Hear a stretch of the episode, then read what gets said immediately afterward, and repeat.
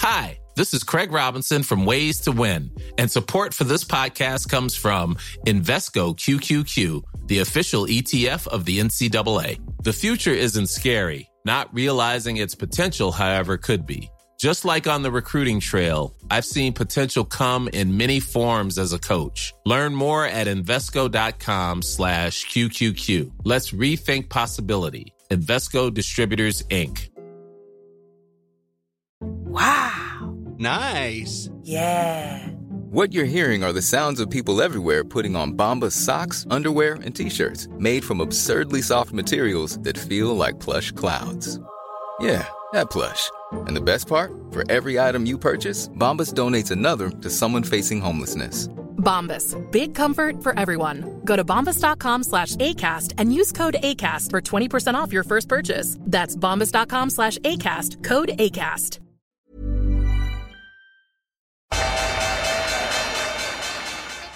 They mistook leverage for genius. Leverage for genius. I would recommend Japan. The governments don't rule the world. Goldman Sachs rules it. Velkommen til en ny episode av podkasten 'Tid er penger', en podkast med Peter Warren. Jeg heter Sverre og er produsent, og i dag har vi vel en eh, ti forskjellige tema, og jeg tror vi kan egentlig bare hoppe rett inn i det. Eh, Nå er jo markedet kanskje ikke så interessant som det har vært tidligere år, men eh, mange ser på gull, i hvert fall. Ja, definitivt. Altså, når du sier at markedene ikke er så interessante, så har det jo definitivt vært store svingninger. Og det blir jo omtalt og, og, og snakket om, og, og stadig flere, som vi var inne på forrige gang, av, av eh, strat strateger og økonomer, i hvert fall i de store investeringsbankene. Så Morgan Stanley anbefalte bl.a. at de trodde på nedgang i aksjemarkedet. De er ikke alene om det. men Samtidig så ser vi jo at aksjemarkedene henger her de er og tikker opp. Og, og hvis du ser over en rekke aksjemarked, USA er litt grann opp. og uh, Hvis vi ser på SMP 500, Nasdaq er jo mye, mye uh, mer opp. Men det er jo et fåtall antall aksjer i SMP 500 som har gjort oppgangen. Og Oslo Børs krabber sakte, men, men, men sikkert oppover. Og all fokus er der. Men tilbake til det du nevnte med gull. Nå, etter da en oppgang på, på, på gull på var det 34% så, så begynner, begynner, begynner plutselig eh, aktørene å se på gull. Og da er det naturlig også at de ser på, eh, ser på sølv. Nå skyv den mikrofonen litt bak. Uh, da er det naturlig at de, de, de ser på sølv, som da har, har gått enda mer. Altså gull er jo, nei, unnskyld, sølv er jo nå nesten opp 70% i år. Og så er det mye snakk om, om begge deler. Uh, det som er med sølv, som vi snakket om forrige gang, er jo den volatiliteten. Og man må også se på kontraktstørrelsen der. Fordi det er jo Hva er det for noe? Det er vel tre-fire ganger uh, større, større sikkerhetskrav for en sølvkontrakt hvis man, man kjøper den uh, på børs, enn det er, det er for, for, gull. Det er jo fire ganger i hvert fall så, så, så volatilt. Men altså, man har jo fått mye ut av det, og, og vi har kommet da fra fra at uh, gullprisen var, var 125 ganger så, så, så, høy som sølvprisen, altså per, per unse, så er vi nå kommet ned i, i, rundt Jeg så ikke de siste tallene i dag, men rundt 73. Så det har, det har korrigert, og nå er forholdet mellom gull og sølv tilbake på 2017-nivå. Um, men fokuset har vært der. Men, men, samtidig med dette da, så var jeg tilbake igjen til, til uh, bitcoin og og, og, og kryptovalutaene. Der har du bitcoin opp 63% og Ethereum opp over 200% og det, er, og det gjentas jo stadig, bl.a. i Financial Times, altså fra, fra markedsstrateger, at det er det stedet hvor færrest institusjonelle investorer, selv om du begynner å se aktivitet der nå, bl.a. fra Fidelity, er investert. Så alle har på en måte gått glipp av det som virkelig har gått i dette. Det har, det har mange gått hus forbi. Og så har du den litt sikrere delen av, av markedet, som er, som er blockchain. Altså kommunikasjon, uh, kommunikasjonsprotokollen hvor man kan gjøre, gjøre handler med umiddelbart oppgjør. Uh, og hvor begge parter ser transaksjonen uh, umiddelbart, slik at det ikke er noe tvil om om, om uh, en avtale, altså at, at, avtalen er oppfylt og pengene er, er, er på plass. Der har jo Goldman utnevnt nå en, en uh, i sin avdeling en, en, en kjent person fra markedet til, uh, til å, å, håndtere den biten hos dem. Og det vi ser, er at de flere og flere bruker blockchain. Vi har nevnt shipping tidligere og begynner å bruke det på sertipartiene sine, altså på, på fraktsertipartier. Så det går fremover der. Men det morsomme her er, er, at et av de fondene som vi snakket om for eh, to år siden, eller kanskje tre år siden etter jeg har vært i, eh, i Miami, Elwood, de investerer da i selskaper det er, det er et, et, fond som investerer i selskaper som, uh, som, uh, som, er med på å utvikle blokkjede. De er opp 44% i år. Så veldig mye altså, Som Nasdaq, altså teknologi har gått, gått sterkt i år, så finner man da innenfor denne delen, altså den digitale teknologien, at, at veksten har vært enda større. Er det ikke bare sånn som Sølv er jo i klassisk spekulativ boble, og når du ser på utviklinga, så er den jo veldig brutal, oppgangen. Ja, men altså sølv, var, altså sølv, er litt over halvparten av hva den var på, på topp. Altså Nå har den jo kommet seg Nå er vel sølv rundt 28 dollar, tror jeg, eller noe sånt. Men, uh, jeg så ikke den siste prisen. Men, uh, mens toppen i sølv har vært 50, mens gull nå er i, er i all time high. Men uh, du stoppa med halvveis i setninga. Litt sånn som sølv.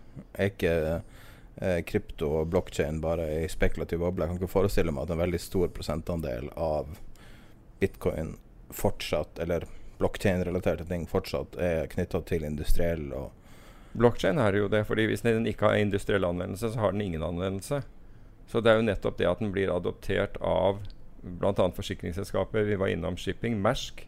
Um, Men påvirker det prisen? Det danske på, Nei, det, ja, det påvirker prisen. Altså, det er flere som anvender det. Det er mer, altså det er jo anvendelse som er på en måte uh, beviset for teknologien din. Da. Det man har sagt tidligere, er at man får ikke gjort nok transaksjoner. Man får ikke gjort mange nok transaksjoner. Og dermed så det ikke, er det ikke interessant, men man får gjort stadig flere, transaksjoner via, via blokkjede. Og hele poenget med blokkjede det er jo at man skal unngå noen som helst form for risiko mellom eh, det en avtaleinngåelse og, og betalingen for den, f.eks. Så det er aldri noe tvil. altså I, og med at det skjer samtidig, så har man ikke f.eks. tre dager å vente på at pengene kommer på konto, eller et eller annet kan skje med, med, med en transaksjon, eller om avtalen eh, faktisk ble oppfylt. Så det er jo det, det, som er fordelen i det. Men det er viktig at vi skiller blockchain uh, fra, fra, fra f.eks. Bitcoin. For det er, det er, jo ikke det samme. Bitcoin er, er jo en, skal jo være en, eh, en, myntenhet, om man vil. En digital Noen kaller det det digitale gullet. Men blokkjede er, er, da transaksjonsmekanismen. Og den blir stadig mer uh, De finner stadig nye anvendelser for, for denne. Så, men poenget mitt er, er, at alle har på en måte drevet og sett en annen vei mens dette her har utviklet seg. JP Morgan var jo veldig veldig tid, tidlig ute. Og Blythe Master, som, var, um, som jobbet for, for eh, JP Morgan, hun, hun, sluttet jo for å, for å bruke å si, karrieren sin videre på, på dette. Altså det var da man, og det er mange år siden hvor de så potensialet. Og nå snakker vi ikke om kryptovaluta, nå snakker vi om denne, uh, denne, denne transaksjonsmekanismen. Som så potensialet i den. Og nå ser det ut nå, det ser, nå, ser, man jo også at antall transaksjoner over blokkjede har økt dramatisk under covid-krisen. Så eh, jeg, jeg, postet faktisk et, et chart på, på Facebook-gruppen for ja, et par uker siden eller noe sånt nå. Fra, fra, en av aktørene, som da viser oppgangen i transaksjoner. Det har overdoblet seg. Så det, det skjer mye innen, innen, det, innen det området. Men poenget mitt er at er ikke nødvendigvis å, å hylle eller markedsføre det området. Det er bare at dette er et område nesten ingen i finans ser på. Altså det er, jo, altså De store investeringsbankene, type Goldman, JP Morgan, disse andre, gjør det. Men, men du hører ellers aldri blockchain nevnt. Jeg har jeg vel knapt sett det, i, i, hvert fall i den norske diskursen rundt, rundt finans. Så tror jeg ikke jeg har sett det nevnt en eneste gang. Så man er på en måte ikke opptatt Og, og dette er noe som virkelig utvikler seg eh, internasjonalt. Mens, mens, fokuset her, riktig eller galt, er på andre ting. I likhet med en kvantedatamaskin, så er det vel relativt abstrakt hva blokk, eh, blokkjede er for noe.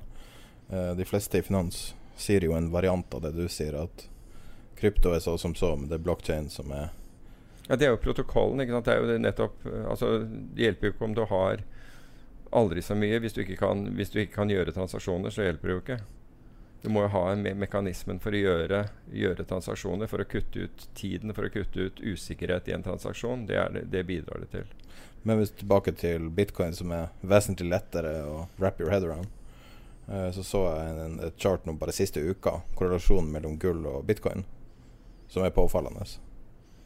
Ja, Så du den statistiske korrelasjonen, eller så du bare Nei, altså visuelle korrelasjoner. Ja, ok, det, det, er gjerne to forskjellige ting. Men, men uh, det, altså hvor jeg finner den høye korrelasjonen er for tiden, og, og den er nesten Den er litt jobbig fordi, du, fordi den, den, krever mer av diversifiseringen din.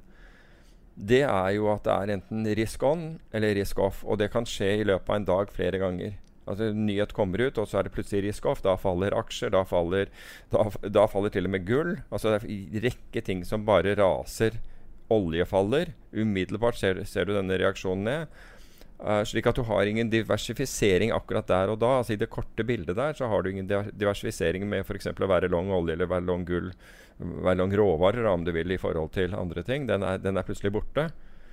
Og så får du risk on, og så plutselig stiger alt. Slik at det blir mer snakk om å finne den mest effektive, likvide Eller det mest effektive likvide instrumentet for å uttrykke synet ditt, enn å spre risikoen din.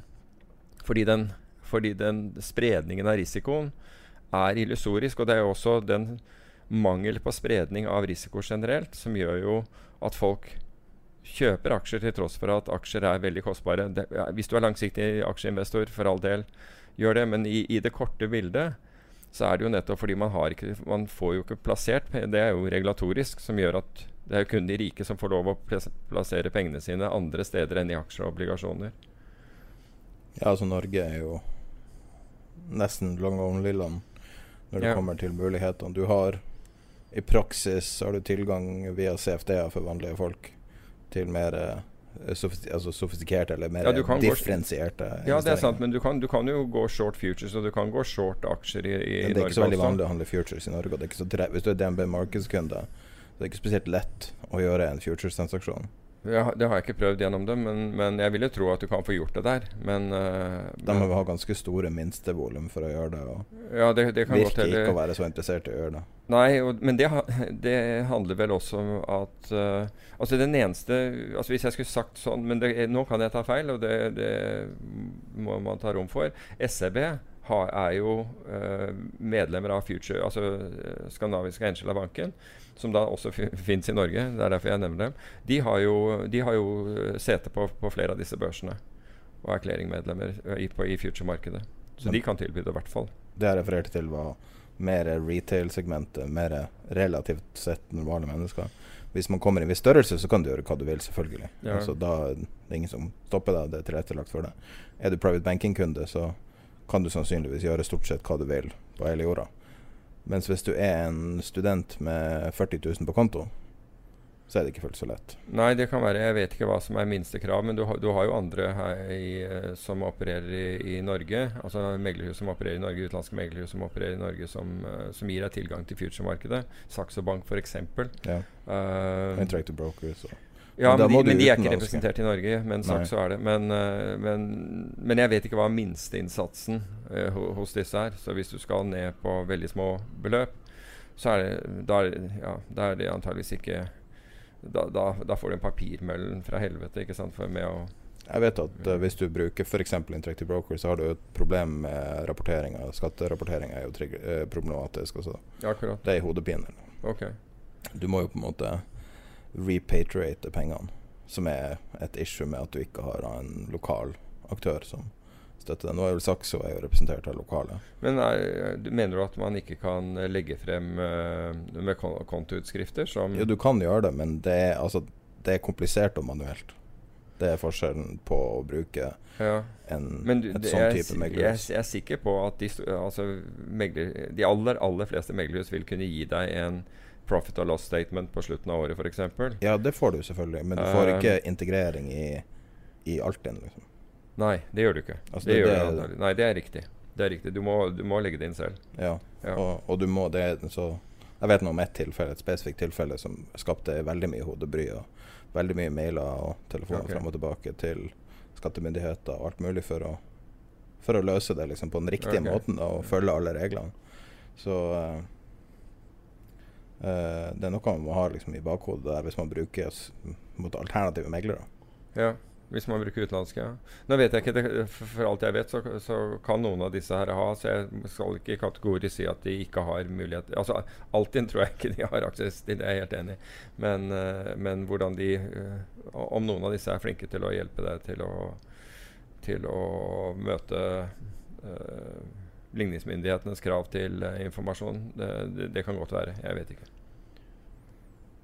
Et annet tema som nordmenn også ikke har, eller en annen kategori som nordmenn ikke har så tilgang til, hedgefond.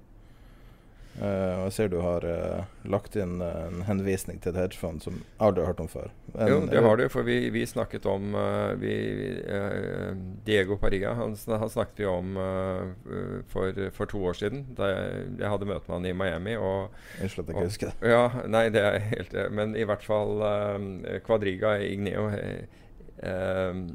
han, har, han ønsker jo å beskytte mot, mot nedsiden uten å tape for, for mye hvis, hvis markedet går opp. Um, og i år så har jo da markedet gått kraftig ned og opp igjen. Men dette fondet da er eh, Han har virkelig levert det han har sagt. Ikke bare det, men altså, dette er et fond som er to år gammelt. Og takket være avkastningen hans, som i år er over 57 og, og, og 70 på, på, over 70% på, på to år, så har han nå passert 500 milli, millioner dollar Mm.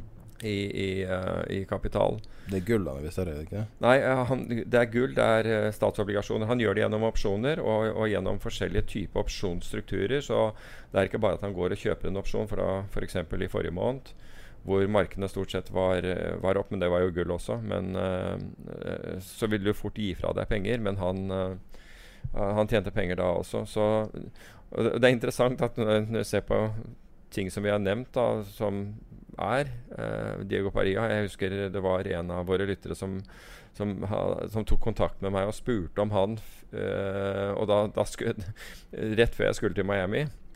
Og han visste jo ikke at jeg Og da hadde jeg allerede avtalt et møte med han. Um, og og da, da, da fikk jeg for øvrig eh, de, Han har skrevet eh, en bok om, om bobler i, i økonomien og i de finansielle markedene. Og da, da fikk jeg eh, Diego til å undertegne en bok som jeg tok med hjem og sendte til, til, til, til, lytteren. Um, men poenget, poenget er at veldig mange altså, Vi har snakket om Boas Weinstein, vi har snakket om uh, om, om flere andre Deepfield, altså det, det, det, det, det sveitsiske, og andre. Og de har, og de, men felles for dem er at de har, de har levert under nedgangen og klart å levere til tross for denne skarpe korreksjonen oppover. Så de har på en måte virkelig klart å gjøre, gjøre noe ut, av det.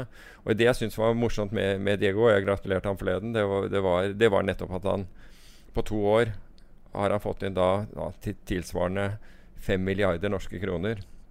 Litt under, avhengig av hvor ja, Nå er dollaren litt lavere, så sier 400, eh, 4,5 milliarder norske kroner. Uh, og det er ganske bra.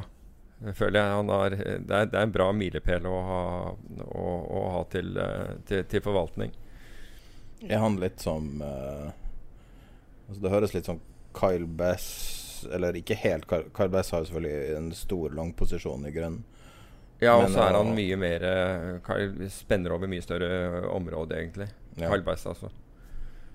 Så det her er mer uh, bare Han er på jakt etter trygge havner, rett og slett. Ja, han er interessert altså, Han ser da bobler forme og prøver å finne måter å, å hedge seg, eller hedge investorene, mot den type ting. Men hvem ser ikke boble? Det er det som er altså, Alle Jo, men- kaster en stein, og så treffer du noen, så ser ei boble. Liksom. Ja, jeg er helt enig.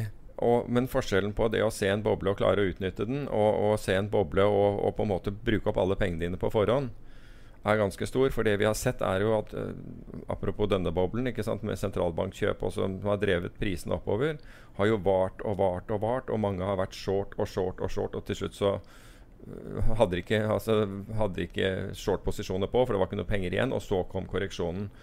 Og det, det samme så vi i 2008 under finanskrisen der. Det var jo folk som hadde vært short før den, og ga opp rett før. Uh, en som for øvrig er på vei inn igjen i markedet, er Hugh Henry. Ja, det var han jeg tenkte på. Ja, altså- jeg, husker, jeg husker oppriktig ikke navnet hans. Nei, nå, og Det morsomme, morsomme med, med Hugh er jo at han la ned, ned fondet. Og vi tok jo det som en veldig Fjor sommer, var det ikke? jeg, ja, var var, det to år? Nei, det er ikke, jeg husker ikke når det var. Det var på sommeren, da. Ja, men i hvert fall og, så flyttet han til St. Barts. Men nå har han, eh, nå har han filosofert nok, og nå har han begynt å lage Nå er det visst en form for spillefilm som lages om han, hvor han skateboarder i Du vil jo el- elske dette her, sikkert. Eh, langhåra med, med caps og skateboarder i Paris og litt sånn forskjellig. Så Vet du hva, Hugh Henry er en spesiell karakter. Og vi, har, vi har jo han som en del av introen. Uh, ja.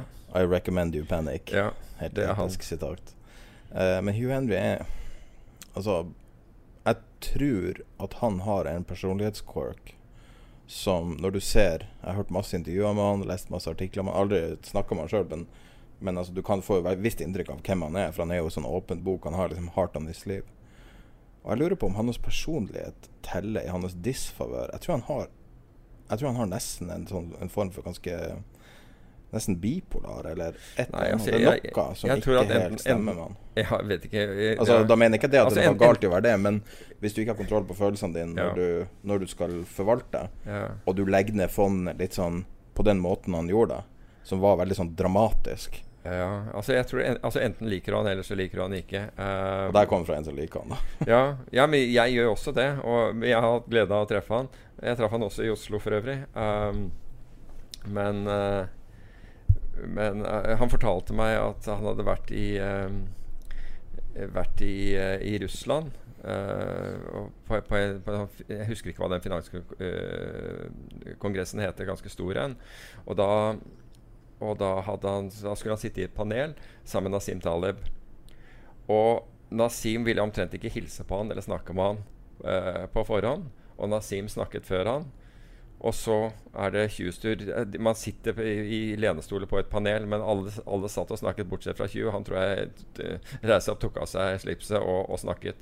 Um, men i hvert fall senere så var det, så var det middag, og, og hater sånne ting. Og i tillegg så kom han sent, så alle andre hadde, hadde satt seg. Følte seg veldig ubekvem, typisk meg også for øvrig. Når han kom inn i, inn i lokalet, hvorpå han går inn og bare hører navnet sitt ropt på fransk. Og da er det je t'adore. Je t'adore. Jeg, jeg elsker deg. Eller jeg, jeg beundrer deg. Og da er det Nasim som reiser seg opp og liksom Kom bort hit. Så han sa vi, vi gikk fra liksom Jeg gidder ikke å hilse på deg, til å bli bestevennen hans i løpet av, i løpet av noen timer. Um, men det var en interessant greie. Vi får se hva som, hva som skjer med han. Men apropos å være short, så var jo det Men du skjønner hva jeg mente med Bare for å ikke for, Ja, ja. Altså Det jeg mente var Vi har snakka om personlighet og ha kontroll på følelsene sine. Og at han har jo hatt rett veldig mye. Ja. Og så Men så har han tilsynelatende ikke kontroll på følelsene, så det var liksom en forlengelse av derfor jeg nevnte det. Ja, altså Han er jo ekstremt outspoken. Ikke sant? Uh, han er jo veldig fra levra. Han har jo fornærmet politikere. Altså, I recommend you panic. Det er jo sagt i, Det mente jeg var på BBC, hvor han uh, høvla over en eller annen finansminister. Var ikke det når BlackRock var midt oppi? Uh, Nei, ikke BlackRock, det der uh, Rock, et eller annet. Det der britiske banken som gikk under. Ja, det, jeg vet, jeg vet, Northern Trust måtte det vært, tenker jeg. Northern Rock, tror jeg det. Nor et eller annet sånt. Men det, Ja, det det, var en bankrun på en eh, britisk bank, i hvert fall. Ja, jeg, jeg, husker, jeg husker det. Men jeg, jeg har sett han flere ganger sånn altså spørre vedkommende om du er splitter pine Altså, er du virkelig så dum, liksom? Men er ikke det en dårlig strategi? Det det? Jo, men eh, altså det, vet jeg var vel på Han, han kalte bare var ikke finansministeren for en champagnesosialist. Og han sa dere flyr businessklasse, ikke sant. Dere gjør det på, på, på arbeidernes eh, skattepenger. Dere vil aldri drømme om å gjøre det selv. Det er en gjeng champagne med uten skin in the game. Altså, og det er ikke noe rart at eh, Nasim liker han. Men, eh, men han er veldig outspoken, og som sagt, nå er han på vei, vei tilbake igjen. Men i, i forbindelse med i, i, i samme moment, da, så mens vi snakker om hedgefond, så var jo forsiden på Finansavisen på lørdag fylt av, uh, av, av et norsk hedgefond som, uh, som uh, ønsker å være 100, altså som har gått short tilsvarende 100 millioner i, i markedene tror da at, at aksjemarkedene skal, skal falle. Og det utgjør ifølge artikkelen Jeg mener det er eh, Polar eh, Multi-Asset. eh, og dette, dette fondet Vi snakket om det. Det er to ti, tidligere DNB-ansatte eh, som har startet fondet. Det er ganske nytt, da, for det, det har vel vært i tre-fire måneder. Eh, og de bruker da Altså de har 1, hva blir det? 1, hvis det er 100, 100 og de har 60 millioner, det er 1,6 1,67 ganger, ganger kapitalen sin short. Short markedet. Og der er jo altså avhengig av hvordan dette er Det blir jo spennende å se. fordi Det er jo mer short enn kapitaliseringa. ja, enn en fondet har, men det er jo fordi det kan Altså det er et hedgefond, så jeg går ut fra at det kan belåne, men det kan jo være at det er gjort gjennom opsjoner. Men det blir jo uansett spennende å se, fordi hele poenget er jo at er jo nettopp det der å få asymmetrisk avkastning. Med andre ord ha, tape lite hvis du tar feil, men har muligheten til en stor gevinst hvis du, hvis du har rett. Har ikke volden generelt kommet ned på mange ting? Jo, jo, jo. det, når jeg i innledninga sa at det er kjedelig nå, så det mener jeg at det har vært så ekstremt. Ja, altså det, ja, absolutt har det det. Altså, du kan si at uh, vi er jo nå nede på, på en VIX på røftlig 23, tror jeg, eller noe sånt. Um, men det er jo fortsatt eh, det, det er jo fortsatt rundt halvannen prosent eh, halvannen prosent svingning per dag det priser inn da, i den amerikanske aksjeindeksen. Men, men hvis vi snakker om et sted hvor virkelig volatiliteten har gått ned, så er det jo i Tesla. For den, altså det er jo bare eh, noen uker siden at Tesla-volden var rundt 120, og nå er den, nå er den halvparten. Så det er et godt tidspunkt å kjøpe eh, Ja, altså det er hvert fall ja, calls? ja, begge deler for så vidt. Altså det er jo de som mener at Tesla skal til 7000 og 6000 og Jeg hørte både 7000 og 4000 for øvrig i forrige uke, så Men eh, Det er viktig å ha i bakhodet at de samme personene som sier det, er veldig store aksjonærer i Tesla. Ja, det kan godt hende at de er, men jeg De tror kaller seg analytikere. Men noen av, noen av dem er bare folk som, som tror på Tesla, har hørt om Tesla og mener at dette skal gå opp. Men, men Det er strengt tatt én såkalt analytiker som er en av de største aksjonærene i Tesla, som er ARK. Ja, men ikke, dette kom ikke fra ARK. Dette her, eh, blant annet den på 7000, det var en nordmann som Men han kan, han kan ha lest ARK, for, Ja. all- for all del. Han kan ha lest hva ARK skriver om det. Men, eh, men poenget mitt er at, vi, at nå Altså hvis du Altså Tesla-opsjoner har vært billigere enn det er nå, men ikke veldig mye.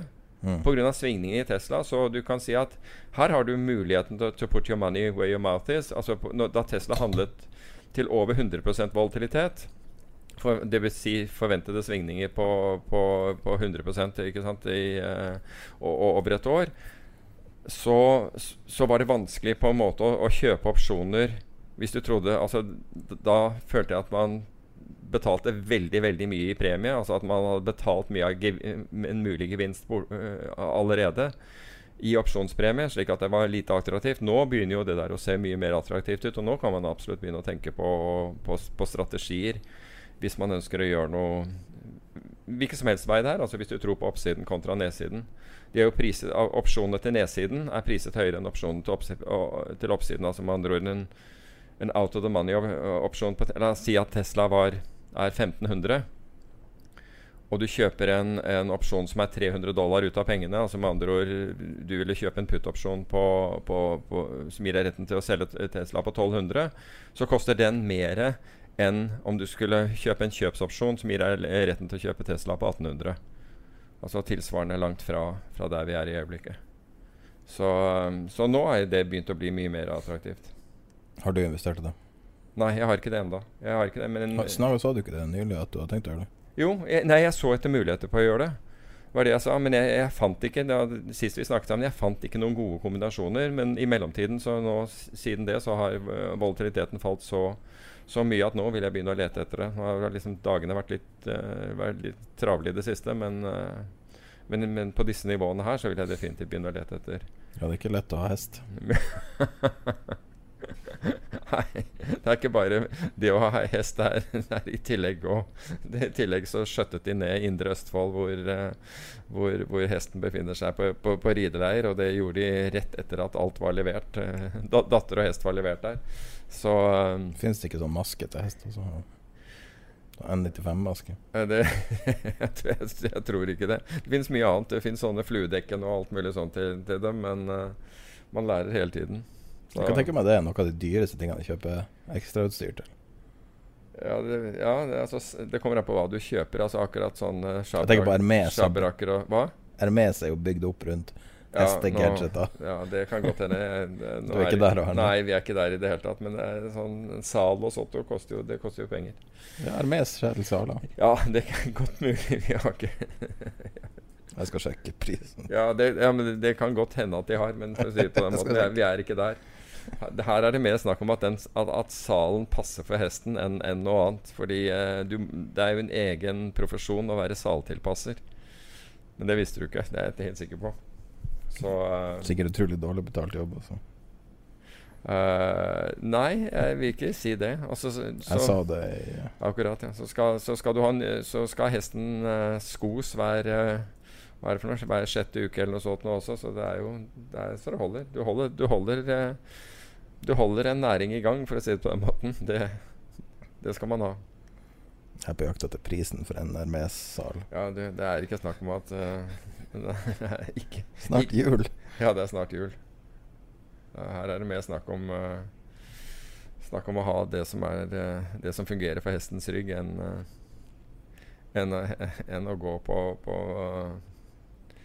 enn å gå i Akersgaten. Eller er, er det Øvre Slottsgate alle disse befinner seg i nå? Det er ikke så dyrt. Nei vel. 81 000. Ja, Men den jumping saddle, vet ikke om det er en Du må ha flere, kanskje. ja, du, ja altså, det er jo sprangsadel, da. Og så har du en børst til 2000, og En hva for noe? en børst. Ja, akkurat. Det er rett ned i gata. I'll take a word for it. Jeg vet ikke om du har noen meninger om uh, Kina og USA, uh, upprampinga med business to business-problemene der. Hvis man anser at Trump er business, da. Nei, Kaste ut TikTok, kaste ut WeChat. Ja, men nå snakket han med vel med er, Nå skal jo TikTok selges, skal det ikke det? Altså, Kast dem ikke ut, de skal tvangsselge den Ja. amerikanske mm. enheten Ja, nettopp. Så til Microsoft ja, altså, For meg så virker det bare at, man, at han er ute etter å lage Kina til den store fienden i dette her. Og dette tror jeg er valgkamp mer enn noe annet. Ikke det sagt, så er det jo klart at mye av det Trump har gjort er øh, vis-à-vis Kina, i hvert fall tidlig, er legitimt i forhold til uh, i, i forhold til å beskytte IP og den type ting. Uh, det har jo vært et problem. Det største ra rare tingen i verden, ubalansen, er jo den der postavtalen. Det at all frakt som går fra Kina, i praksis er subsidiert av resten av verden. Det koster jo ingenting å sende noe fra Kina. Det koster jo én krone å sende en pakke fra Kina. Wow. Subsidiert av Posten, subsidiert av US Postal. Ok. På grunn av at de er regna som et u-land. Sånne ting er jo veldig legitimt. Det er jo veldig populær holdning blant politikere å være negativ til Kina. Så. Ja, men altså, jeg tenker ikke at, at man skal altså, negativ til Kina generelt det er vel, føler jeg er ganske naivt å være. Men, uh, men det har jo vært ting som, som bl.a. da teknologi og beskyttelse av rettigheter og, som, som er viktig å ivareta. Så, så, og det har jo Trump gjort en big move på. Men, eh, men det som skjer nå, føler jeg Og det kan jo godt hende at uh, Altså, vi hadde jo uh, Huawei-saken. Og det gjør jo at Huawei altså Han har jo gått så hardt ut at det er snart ikke et vestlig land som tør å gjøre noe business med Huawei når det gjelder 5G.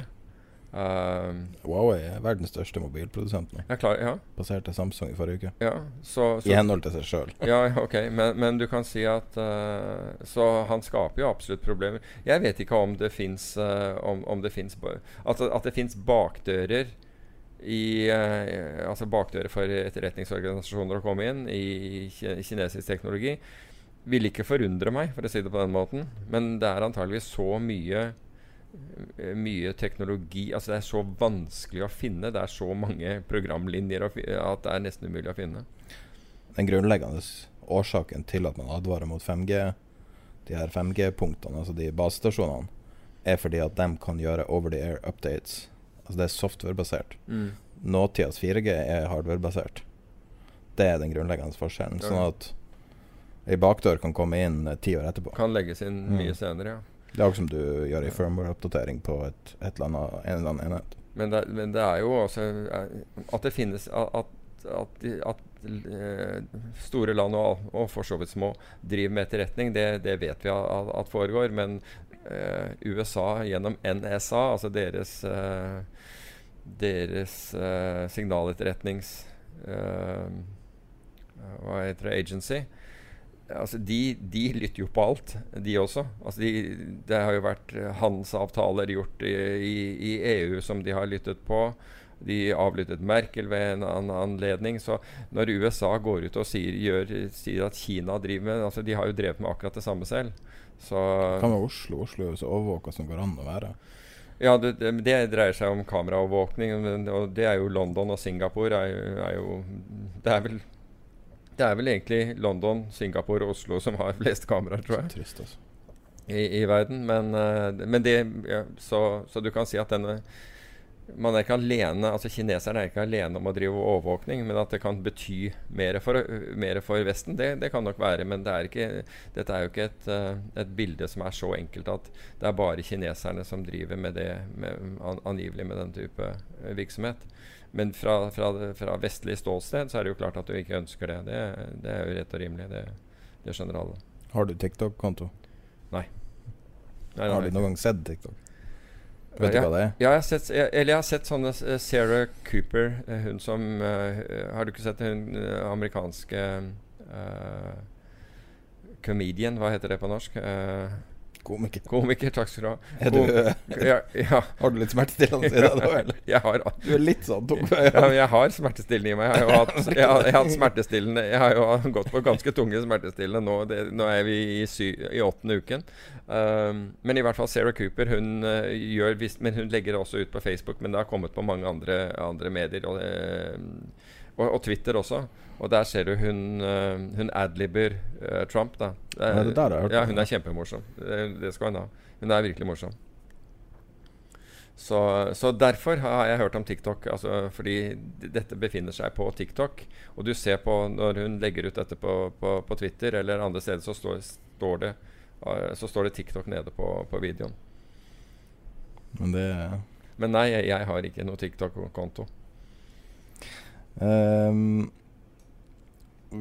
du hadde et uh, tema her som uh, uh, Eller det, vi hadde to tema som var slo litt sammen i hverandre. Ja. Jeg kan si en veldig enkel intro. Det er Robin Hood, den, den der mobilappen som er litt sånn forjetta mobilapp i USA, som gjør det mulig å trade for folk som har i praksis én dollar på kontoen, og gjennom mm. opsjoner og ta ganske stor risk og osv. osv. Uh, der har det vært mulig De hadde jo publisert alle tallene i en API, sånn at du vet til enhver tid hvor mange av brukerne som eier enhver for, aksje. F.eks. Tesla, hvor de er store. Ja, for eksempel. Ja. Altså alle. Eller hvilken som helst. Ja. ja. Og det er bra. Jeg kjenner faktisk han utvikleren. Jeg har vært i mhm. kontakt med han en del. Uh, en 23-åring, utrolig skarp type. Veldig, veldig artig type. Det var kanskje han skulle jobbe, altså, jobbe med et prosjekt i lag. Og så, og så snakka jeg med han, og så sa jeg liksom ja, du burde gjøre det mulig å eksportere dataen. fordi at jeg hadde behov for det. Det var noe vi hadde snakka om i podkasten. Og så la han det til. Og, men han tjente jo ingen penger. Jeg tror han bare betalte for serveren med noe reklame. Og nå, stopp, altså nå har de stoppa det, for de ser at, at uh, folk bruker dataen for å kunne Altså som et alternativ uh, datapunkt. Fordi at det er daglig eller kontinuerlig oppdatert, og gir deg da en indikasjon på hva retail gjør uten at du må betale for det.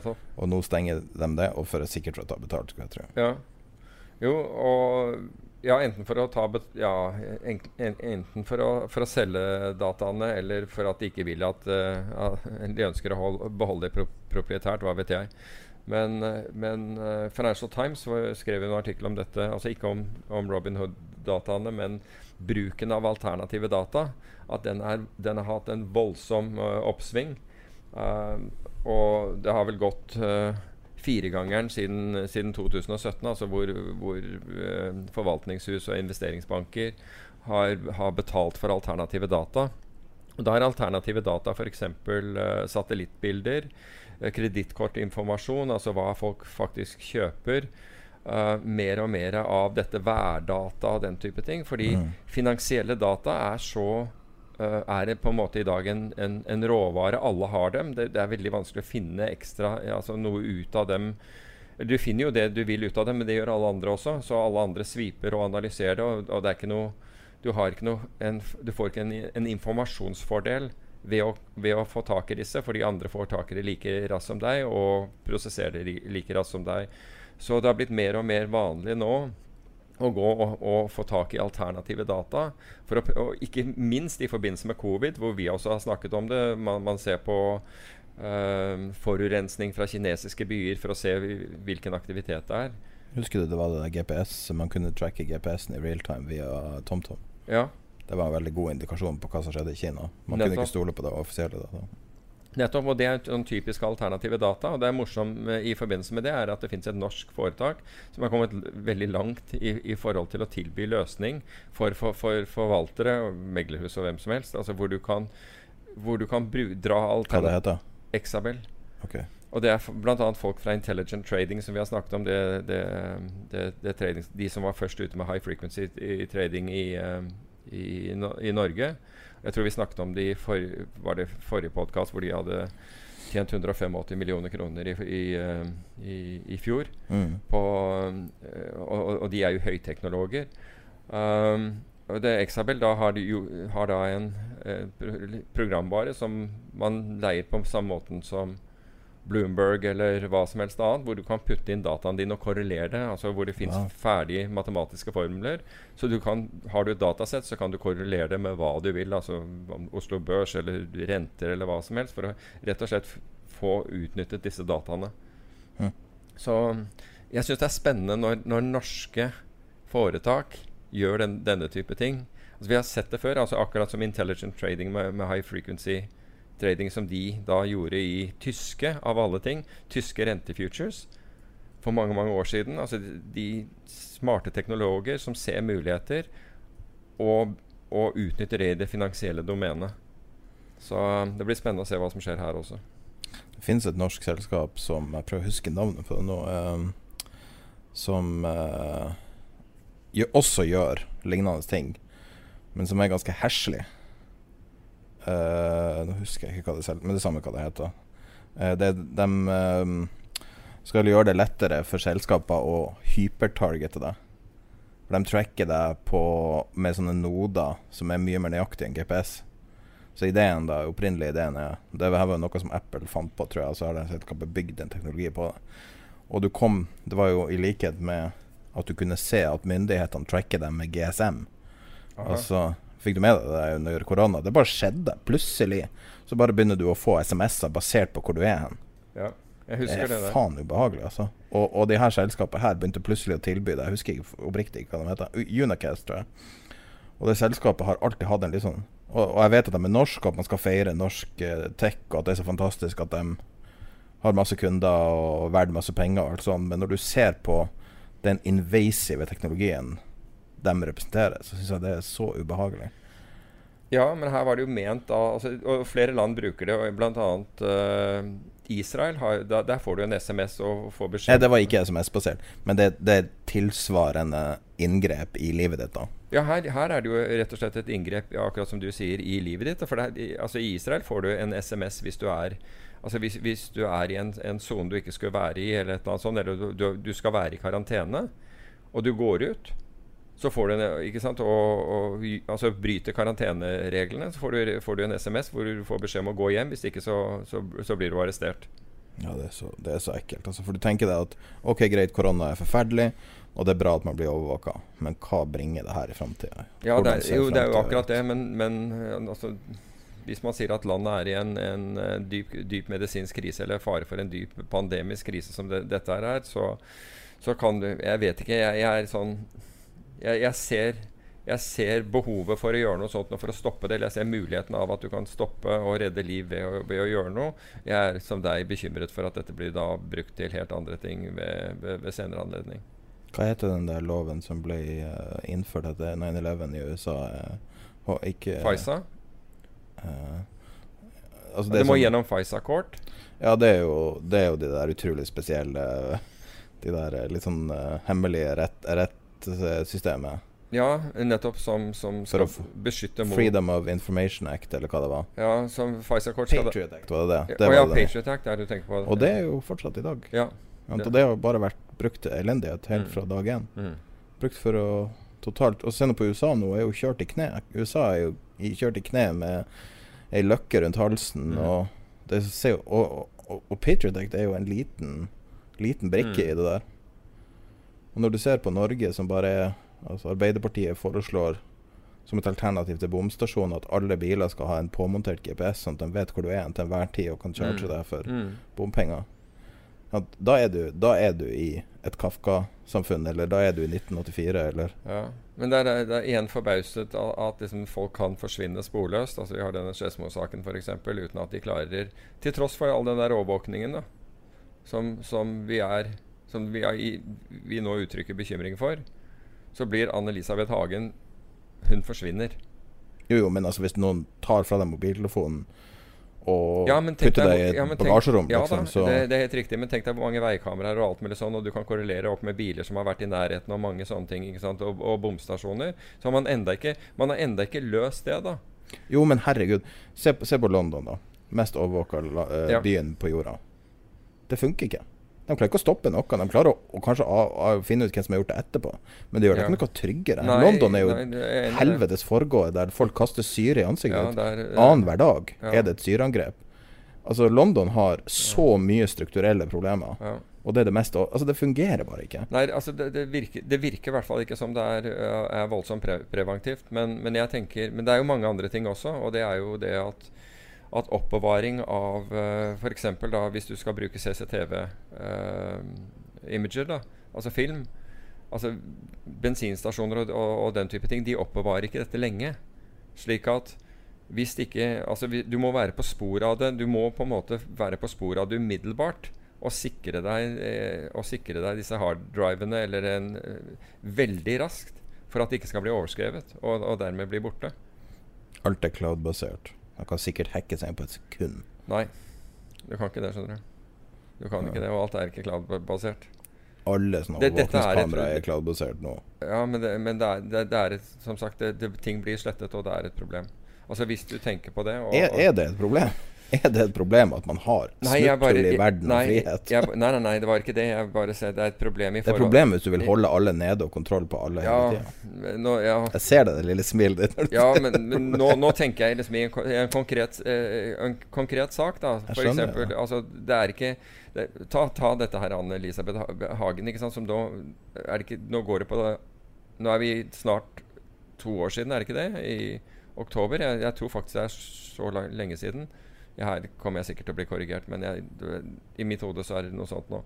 Men i hvert fall Finner du, noe, finner du en alternativ teori nå, da, kommer det opp en, plutselig en ny hypotese, så kan du ikke anvende disse tingene som, som vi snakker om. Altså den elektroniske overvåkningen er mye vanskeligere nå, med mindre vi, vi snakker om uh, trafikkdata fra mobiltelefon. Så, så, er det, så er det masse huller i de mulighetene du har til å prøve å finne den tråden videre. Altså Hvis du nå sier OK, hei sann, den. Hva skjedde? Hvor dro den? Hva gjorde Ikke sant? Og det gjelder jo ATM-bilder og, og alt Hva heter det for noe? Bank? Minibank. Minibank. Riktig. Jeg tror folk kun bruker minibank når de skal kjøpe narkotika. For i alle dager trenger du cash. I. Ja, det vet jeg ikke. Men, det er jo en annen sak. Nei, men, men, men du kan hele, altså, jeg bruker jo kort til alt, og alt Ja. er teppbasert. Og, og, du, og det er kamera på hver så Ja Du kan triangulere dataen, og du kan selge den dataen. Ja, og, men poenget mitt er at, at, at når den dataen er kun da får nå bare den saken den være er, den er oppklart. kun anvendbar i en viss tid. Det er poenget mitt. ikke Jo, men og, og har ikke f.eks. PST et eget kontor hos Telenor? Har ikke de et eget rom de kan gå inn hos Telenor? Nei, det, vet, altså, det, Det er derfor det jeg har lest i avisa, liksom. det vet jeg ikke om de har, men jeg, det, jeg At de kan gå inn og så, gå, og så overvåke folk ja, men, i men, men pinne. altså, verken PST eller politiet for øvrig har anledning til å bare gå ut og gjøre det.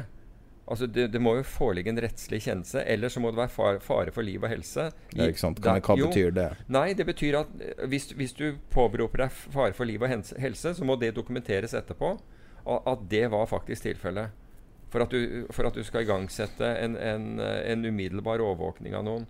Så Norge er ganske regulert. Det, det, altså, det er ganske restriktivt i, i, i Norge når det, gjelder, når det gjelder slike ting. Så kan du diskutere om, om det burde vært mer restriktivt eller mindre restriktivt.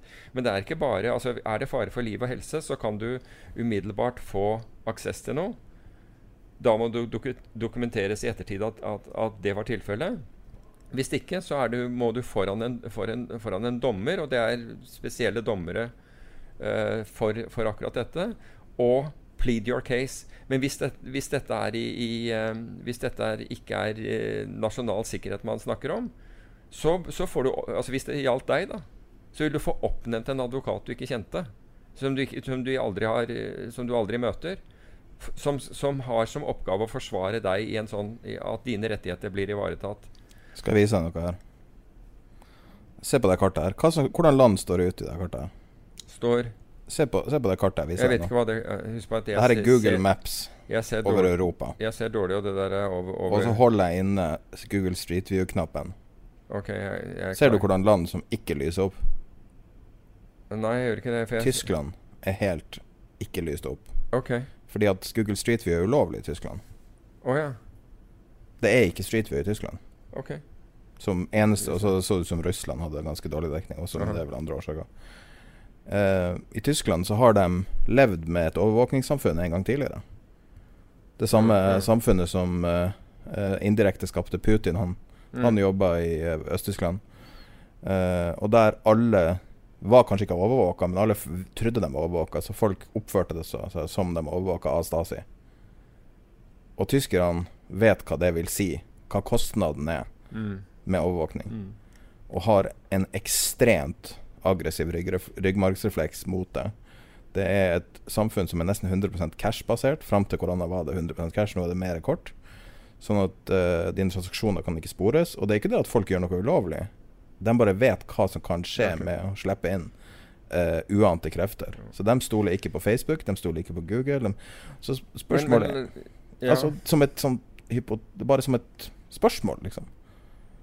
Er det her OK å bare slippe folk inn i alle bauger og kanter?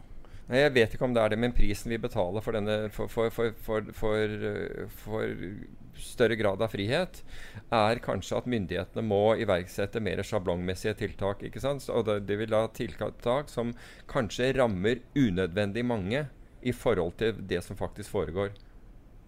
Altså Når du må stenge ned kanskje unødvendig store områder, mens du kunne kanskje vært mer kirurgisk hvis du, hvis du tillot Eller så kan du akseptere at alt blir ikke avklart. ja, ja, hva som helst. Altså, det it's a trade-off. Poenget mitt er at, er at, det, at du kan finne argumenter for begge deler. Da. Det er Mhm. bare det jeg egentlig sier. Du kan finne Mange blir frustrerte fordi tiltak som blir iverksatt, er generelle og mener at det burde ikke ramme dem fordi de ikke befinner seg i områder eller har eh, opptrådt på, på en ansvarlig måte, og allikevel så rammer det dem.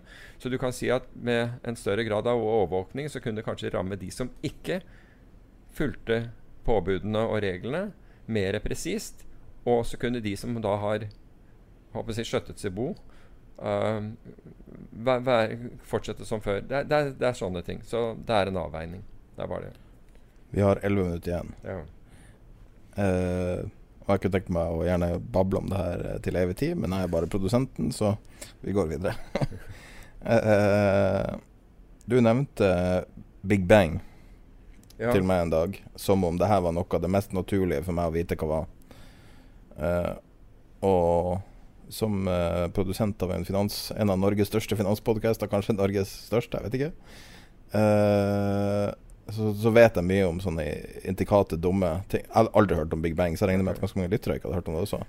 Og du snakka om Deutsche Bank. Eh, Ja, altså Hvorfor jeg, jeg, jeg nevnte det, det var fordi jeg leser en, en bok om Deutsche Bank som, som heter The, The Tower, og som er en ve veldig interessant eh, bok om den. Men akkurat når det gjelder The, The Big Bang, det, det skjedde i London i 83, mener jeg. Da man deregulerte, da Thatcher deregulerte da, eh, det, det, det britiske finansmarkedet. På den måten at man Før det så hadde ikke eh, utenlandske banker og meglerhus eh, sluppet til. Og, og, og så endret dette seg voldsomt. Og da eh, relevansen til eh, og, og, altså, Dermed så kom alle altså det, det, da, Amerikanske investment banks Alle kom susende inn i, i London, for det var finanssentrumet i Europa.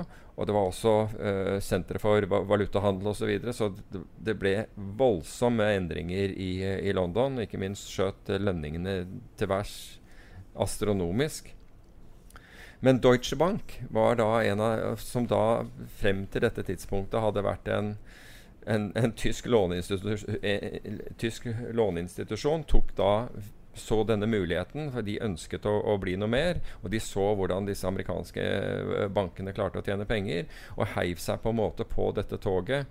Og den boken, 'The Tower', eh, handler om om den reisen til Deutsche Bank, og det er jo helt utrolig hva du leser at den, den, banken har drevet med og fått lov å drive med. Altså annet uh, De har gjort transaksjoner med land som uh, har vært under embargo, hva heter det på norsk?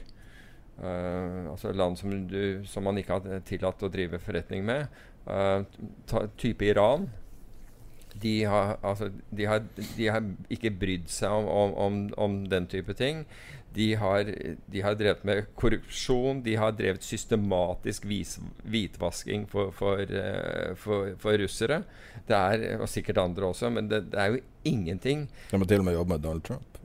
ja, og, og det, det, er også omtalt der. Altså, etter at de Altså, de var på det tidspunktet da, da, de begynte å jobbe med Donald Trump, låne han penger, så, så var han persona non grata hos, hos, alle de amerikanske bankene.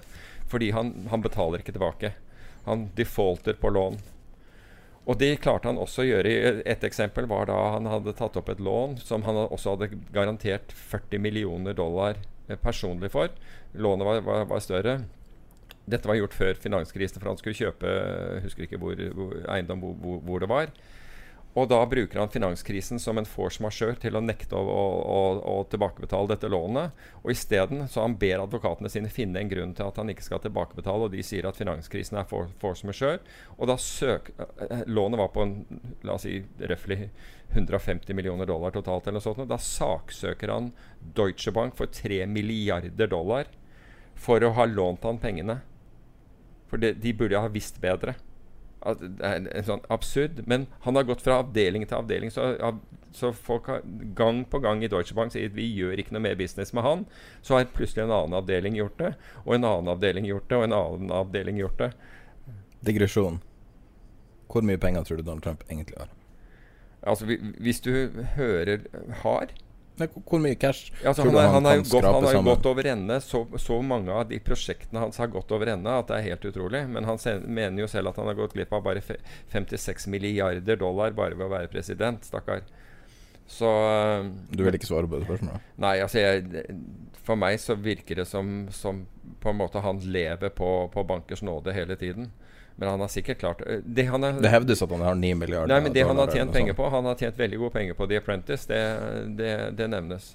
Der dro, dro, han inn veldig mye penger på, anslås, på den reality-serien. Det anslås av noen som har forska på lenge før han ble presidentkandidat, eh, på, eh, på eh, liksom, det, liksom detaljene rundt businessen hans. At han har ca. 200 millioner dollar. No, og det var så et intervju med en av de der eh, kameramannene på The Apprentice som sa at uh, når de hadde vært i sesong én, så hadde de ikke råd til å reparere flyet og helikopteret. Det var ingenting som funka. Malinga datt av veggene. altså murpussen datt av veggene. Og, og så uh, tilsynelatende så var det hans eneste store inntektskilde, var det Apprentice, der han snakka om å være retorikk. Okay. Var det som, som man da jeg bare, Men jeg bare lurte på hva du syns. Som Nei, altså hvis man skal følge disse, så, så, så har det ikke gått så, så bra med, med, med, ting. Og bank etter bank etter bank har da Bankers Trust, og, og det var vel Deutsche Bank ble, ble bl.a. en internasjonal eller akseptert bank i USA ved at de kjøpte Bankers Trust. Og Bankers Trust var allerede da og, altså, null, og Federal Reserve trengte noen å dytte det over på. Og der kommer Deutsche Bank, og de klarer å overtale Deutsche Bank til å, overtale, til å overta Bankers Trust. Og plutselig så er de på en måte på, på innsiden. Men hvis du ser altså han som førte da Alfred Herrhausen het eh, sjefen for Deutsche Bank, som førte uh, Deutsche Bank gjennom, inn, inn, i the big bang og, og, og dro det i gang og, og vendte seg mot kapitalmarkedene og den biten. Så har det gått relativt dårlig med folk der, da. Fordi han, han, han dør i, av en bilbombe. Altså Han har en, en trebils kortesje som plukker han opp hver morgen. Altså Det er to livvaktbiler pluss den bilen han sitter i, som er pansret. Og da Røde armé-fraksjon, altså Baader-Meinhof eller en av disse her, har da, uh, har da um, festet en, en veibombe på, på, på kjøreruten hans, som for øvrig forandres eh, sikkert daglig. Det burde den i hvert fall gjøre. I hvert fall alternerer man. Og de treffer da akkurat Altså, denne bomben går av. Og den tar ut bakparten på den midterste bilen, altså hvor han sitter. Så de var ganske presise med det. Så han får kappet av, av begge bena sine og blør i hjel før, før uh, medisinsk personal Står det her i den boka? Kom, ja, kommer til Hva heter den boka? The Tower. Men, og, og så, men, men videre Vi har fire minutter igjen, Peter, så Unnskyld, Dark Tower heter den. Den er skrevet av David Enrich. Ja. Og så en av på Audible. Hva? Ja, og det er en av gutta som da overtar Edson Mitchell, som bringer dette, som, som hyres inn, en amerikansk banker som hyre, hyres inn. Um, han, han dør, i, han dør, i, to, han dør i, i 2000, altså år 2000. Da krasjer eh, privatflyet hans, dundrer inn i en, eh, inn i en fjellside på, de siste minuttene før, før, før landing. Um, Bill, eh, Bill Brokesmith, som uh, er en av de store som bringer banken videre, han tar Heter livet han Broke Smith? ja, han, han, han, han, han tar livet av seg i 2014. Med to Så- skudd i bakhodet, eller? Nei, nei, han hang seg. Han hang seg hjemme. Så, men det er liksom Det er regnskapsjuks, og det er, det er utrolig, helt altså. utrolig hvordan den banken fikk lov uh, fikk, lov å fortsette. Det er helt insane. Og, men du ser det jo på, på aksjekursen, som absolutt har stupt. Altså, hva var den? Gikk fra 100 120 til 9, eh, hvor, hvor den er nå. Den har vært lavere, da, men eh, men, men de ble til og med beskyttet av det tyske finanstilsynet, som gjorde det vanskelig for, for finanstilsynet i de andre landene å regulere Deutsche Bank. Som da, så, så det har vært frem og tilbake hele veien. Men jeg husker jo også Deutsche Bank som i, i, i London som, som alle, altså på en tid alle gikk kledd i grått og blått. Uh, det var, de hadde eh, på valutasiden veldig bra teknologi. Det kaltes Autobahn, dette tyske eh, det handelssystemet som de hadde for, for valuta. Og alle mer eller mindre brukte det.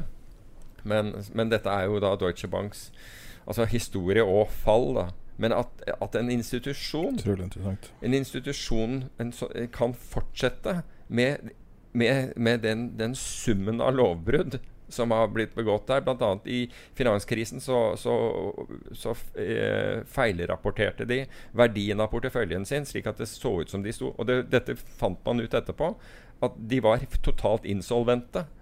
Så eh, Hva skjedde med Kommersbank-fusjonen? Er den falt i fisk, eller? jeg vet ikke. Jeg, jeg har ikke Jeg har ikke hørt noe om Nei, jeg, det, det, det, går sikkert skikkelig dårlig, skulle jeg tro. Mulig. mulig. Alt de toucher, har gått dårlig. Ja. Og så har de den der gigantiske derivatporteføljen som de er stuck med. Ja, og det hadde, det hadde for øvrig Deutsche Bank hundrevis av milliarder. Eller En derivatportefølje som de hadde hvor de Nei, Deutsche Bank var det jeg mente. Ja, Deutsche Bank hadde jo da tatt hele eh, he, Altså, det var eh, det var en derivatportefølje som kanskje hadde ti års øh, øh, øh, Altså forfall om ti år. De hadde, de hadde bokført dette som gevinst på dag én. Så de hadde sånn Enron-style. Ja, helt Enron-style. Så, Men anyway. Men da må vi skippe de to siste temaene, for Peter har en hard out om ett minutt. Ja, dessverre. Eh, legg til en link eh, også i beskrivelsen. Jeg har lagt det ut på Facebook-gruppa til The End of the American Era. En helt sensasjonell artikkel fra Rolling Stone. Ja, eller, Om- eller, ellers så vil jeg bare dra med meg at Ben Meng, som da var sjefs... eh, hva heter det? CIO, det er eh, investeringsdirektør i, i eh, det amerikanske California, California, eh, State Pension Fund, mistet jobben for dårlig performance. Altså, det var han som, ikk- det var han som kansellerte eh, eller sa opp eh, forvaltning eh, De hadde fondet eh, Universa, altså de som, de som Ja, stemmer, ja. gikk opp 4200% i år, som var opp 4200% de hadde, da, de hadde da trukket seg ut av det.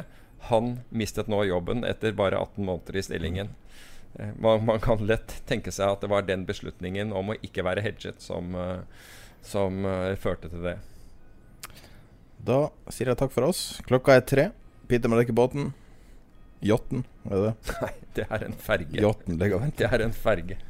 Yachten ligger og venter for å eh, dra og kjøpe Hermes-sal til Nei, det er det ikke. Nei, men ses vi om eh, to uker, eller høres om to uker. Ha det bra. Ha det.